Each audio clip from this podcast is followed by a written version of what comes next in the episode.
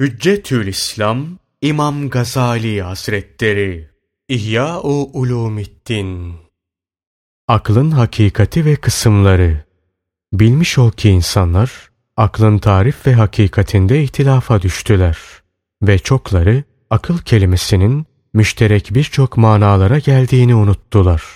Bu mevzuda perdeyi kaldıracak en doğru yol aynı kelimesinin birçok manaları olduğu gibi aklında dört manada kullanıldığını ve bu gibi müşterek manalarda kullanılan kelimelerin bütün manasını bir araya toplayan bir tarifle tarif edilmesi istenmediğini, belki her mananın ayrı ayrı tarif edildiğini bilmektir. Bu manaları izah edelim. İnsanların diğer canlılardan ayrılmasını sağlayan haslete akıl derler ki, insanlar yaratılıştaki bu akılla nazari ilimler öğrenmeye istidat kazanırlar.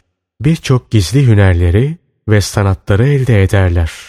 Hars bin Esedi muhasibi de aklı tarif ederken nazari ilimler kendisiyle anlaşılan bir tabiattır. Allah Teala'nın kalbe akıttığı bir nurdur ki insan onunla eşyayı anlamaya istidat kazanır derken bunu kastetmiştir. Muhasibinin bu tarifini inkar edip akıl yalnız zaruri ilimlerden ibarettir diyen insaflı davranmamıştır. Çünkü zaruri ilimlerden gaflet eden veya uykuda olduğu için zaruri ilimler kendisinde bulunmayan kimseler bu tabiata sahip olduklarından yine akıllıdırlar. Cismin kendisiyle ihtiyari hareket edip duyu organlarını kullanabileceği hayat bir tabiat olduğu gibi akılda bazı hayvanların kendisiyle nazari ilimler edinmeye hazırlandığı bir tabiattır. Eğer bu tarife bakarak insanla merkep arasında fark olmaması lazım gelir dersen, bil ki insanla merkepteki aklın farkı yoktur denilebilir. Ancak adet-i ilahiye olarak insanda akılla ilim halk edilir de diğer hayvanlarda ve canlı varlıklarda halk edilmez. Bundan da hayvanla bitkilerin hayat bakımından eşit olması lazım geldiği ileri sürülürse denilir ki evet aralarında fark yoktur. O kadar ki Allah Teala adeti gereğince merkepte hususi hareketler yaratır ve böylelikle onu ayırmış olur. Şöyle ki eğer merkep cansız bir cisim farz edilseydi ondan meydana gelen bütün hareketleri Allah Teala'nın yarattığına hükmetmek vacip olurdu.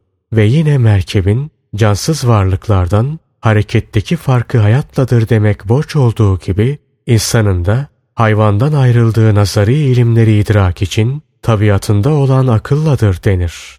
Akıl kendisine has vasfıyla şekil ve renkleri göstermekte diğer cisimlerden ayrılan aynayla sırrı gibidir. Göz de böyledir. Görmeye istidadı olan heyet ve sıfatlarıyla alından ayrılır. Akıl fıtratının ilimlere nispeti gözün görmeye nispeti gibidir. İlimlerin keşiflerini sağlayan aklın Kur'an ve şeriata nispeti güneşin göze nispeti gibidir. İşte bu akıl fıtratını böyle anlamak gerekir. 2. Küçük bir çocuğun mümkün olan şeyleri mümkün, imkansız olan şeyleri de imkansız kabul etmesi. İkinin birden çok olduğunu bir adamın bir anda iki yerde bulunamayacağını bilmesi gibi zaruri ilimlerdir. Bazı kelamcıların akıl, mümkün olan şeylerin var olabileceğini, mümkün olmayanların olamayacaklarını anlamaktır diye tarif etmelerindeki gayeleri de budur. Bu tarif de doğrudur. Zira bu ilimler insanlarda mevcuttur. Bunlara akıl adı verilmesi meydandadır. Bozuk olan bu ilimden gayri bir şey yoktur demeleridir ki bu akıl fıtratının inkarıdır. 3. Tecrübelerden elde edilen ilim akıldır. Kim tecrübelerden anlar ve tecrübeler kendini olgunlaştırırsa ona akıllı, kim tecrübelerden bir şey anlamazsa ona ahmak ve cahil denir. Bu da ilimlerin diğer bir çeşididir ki buna akıl adı verilmiştir. 4. Aklın bir dereceye yükselmesidir ki bütün bu ilimlerin neticesini anlar ve sonu tehlikeli olan geçici lezzetlere davet eden şehvetini yener. Bu kuvvet kimde bulunursa şehvetinin arzusuna uymayıp akıbeti düşünerek hareket ettiği için akıllı sıfatını alır denir. Bu da insanı hayvandan ayıran bir özelliktir. Buna da kazanılmış akıl denir. Aklın şu dört manasından birincisi asıl ve köktür. İkincisi onun en yakın bir dalıdır. Üçüncü mana birinci ve ikinci manaların dallarıdır. Çünkü tecrübeyle elde edilen ilimler fıtri akıl ve zaruri ilimler vasıtasıyladır. Aklın son meyvesi demek olan dördüncüsü akıldan beklenen neticedir. Birinci ve ikinciler tabi, üçüncü ve dördüncülerse kesbidir, kazanılmıştır. Bunun için Allah ondan razı olsun Hazreti Ali diyor ki, biri tabi, diğeri kesbi, iki akıl buldum. Görmeyen göze güneş ışığının kârı olmadığı gibi fıtri akıl olmadan kesbinin kazanılmışın kârı olmadığını bildim. Peygamber Efendimiz sallallahu aleyhi ve sellem aşağıdaki hadisiyle birinciyi yani fıtri aklı murad etmiştir. Allah Teala akıldan daha kıymetli bir şey yaratmamıştır. Yine Peygamber Efendimiz sallallahu aleyhi ve sellemin Hazreti Ali radıyallahu anh'a hitaben söylediği şu hadisi şeriften muradı da dördüncü yani kazanılmış akıldır. İnsanlar güzel ameller ve iyilikleriyle Allah Teala'ya yaklaşıyorsa sen de aklınla yaklaş. Hazreti Peygamber sallallahu aleyhi ve sellemin şu hitabından da muradı aynıdır. Rivayet edildiğine göre Hazreti Peygamber sallallahu aleyhi ve sellem Ebu Derda Hazretlerine hitaben aklını arttır ki Allah'a yaklaşasın buyurdu. Ebu Derda Hazretleri anam babam sana feda olsun ya Resulallah aklımı nasıl arttırabilirim diye sorunca Peygamber Efendimiz sallallahu aleyhi ve sellem şu cevabı verdi. Allah Teala'nın yasak ettiği haramlardan kaçın. Farzları yerine getir ki akıllı olasın. İyi ameller işle ki dünyada yüksek mertebeye erip ahirette aziz ve celil olan Allah Teala'ya yaklaşmakta izzet bulasın. Said bin Müseyyep'ten rivayet edildiğine göre Hazreti Ömer, Ubey bin Kab ve Ebu Hureyre Hazretleri Peygamber Efendimiz sallallahu aleyhi ve sellemin huzuruna girerek şöyle sordular.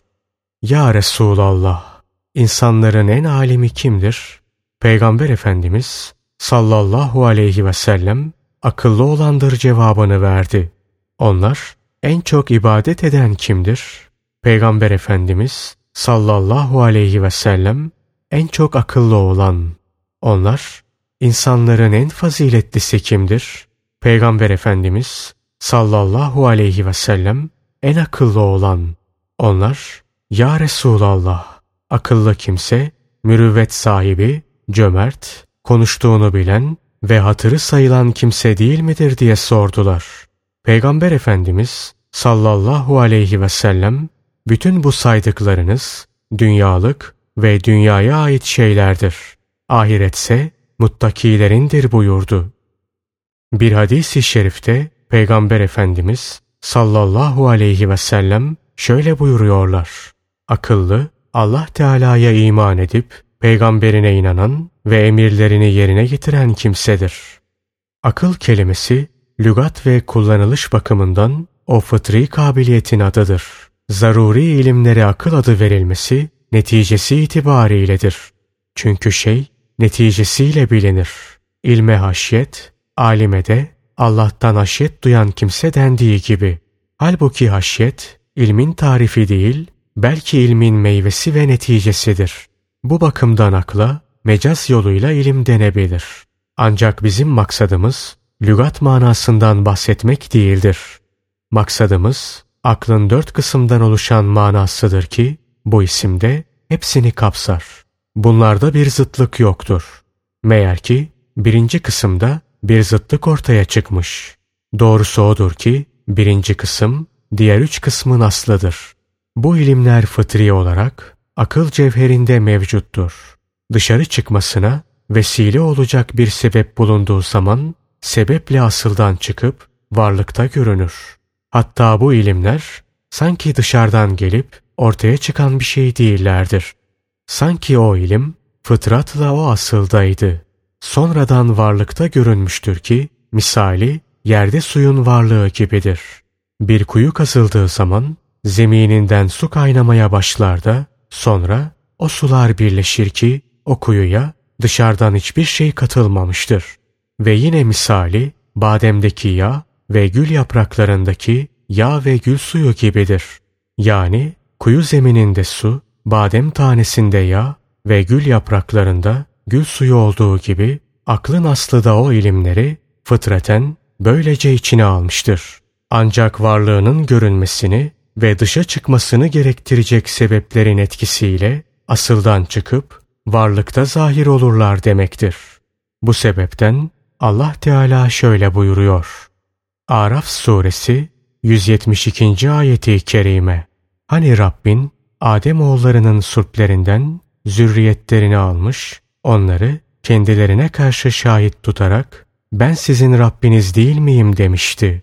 Onlar da evet şahit olduk ki Rabbimizsin demişlerdi. Bu ikrardan gaye dillerinin ikrarı değil, heykellerden soyulmuş nefslerinin, zatlarının ikrarıdır. Çünkü şahısları ve dilleri bulunduğu zaman dilleriyle ikrarlarında ikiye ayrıldılar. Bir kısmı diliyle de ikrar etti, diğeri ise inkar etti. Bunun için Allah Teala şöyle buyuruyor. Zuhruf suresi 87. ayeti kerime. Andolsun onlara sizi kim yarattı diye sorsan elbette Allah derler. Yani onların halleri düşünülürse batınları ve akılları buna şehadet eder. Buna işaret etmek üzere Allah Teala buyuruyor ki Rum suresi 30. ayeti kerime O halde sen yüzünü bir hanif olarak dine Allah'ın o fıtratına çevir ki o insanları bunun üzerine yaratmıştır. Yani her insan Allah Teala'ya iman fıtratı ve belki eşyayı olduğu gibi anlamak istidadı üzerine yaratıldı. Öyle ki yaratılışta nefsleri bunu kabullenmiştir ve bu dahi idraki olan istidatları dolayısıyladır. İmanın yaratılışta insanlarda yerleşmiş bir tabiat olduğunu bildikten sonra insanların bir kısmı bundan yüz çevirdi ve bu fıtratını unuttu.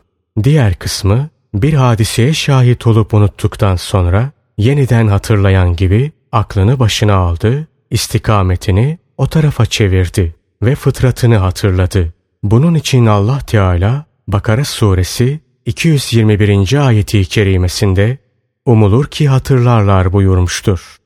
Diğer bir ayet-i kerimede de şöyle buyurulmaktadır. Akıl sahipleri hatırlasınlar diye. Allah Teala'nın size olan nimetlerini ve sizden aldığı sözü hatırlayın. Andolsun ki biz Kur'an'ı düşünülmek için kolaylaştırdık. Fakat düşünen mi var? Bu ayetlerde tezekkür, hatırlama denmesi uzak bir mana değildir. Tezekkür iki çeşittir. Biri, önceden hatırında olan şeyi unuttuktan sonra hatırlamak, diğeri de yaratılışta kendisinde mevcut olan bir şeyi hatırlamaktır.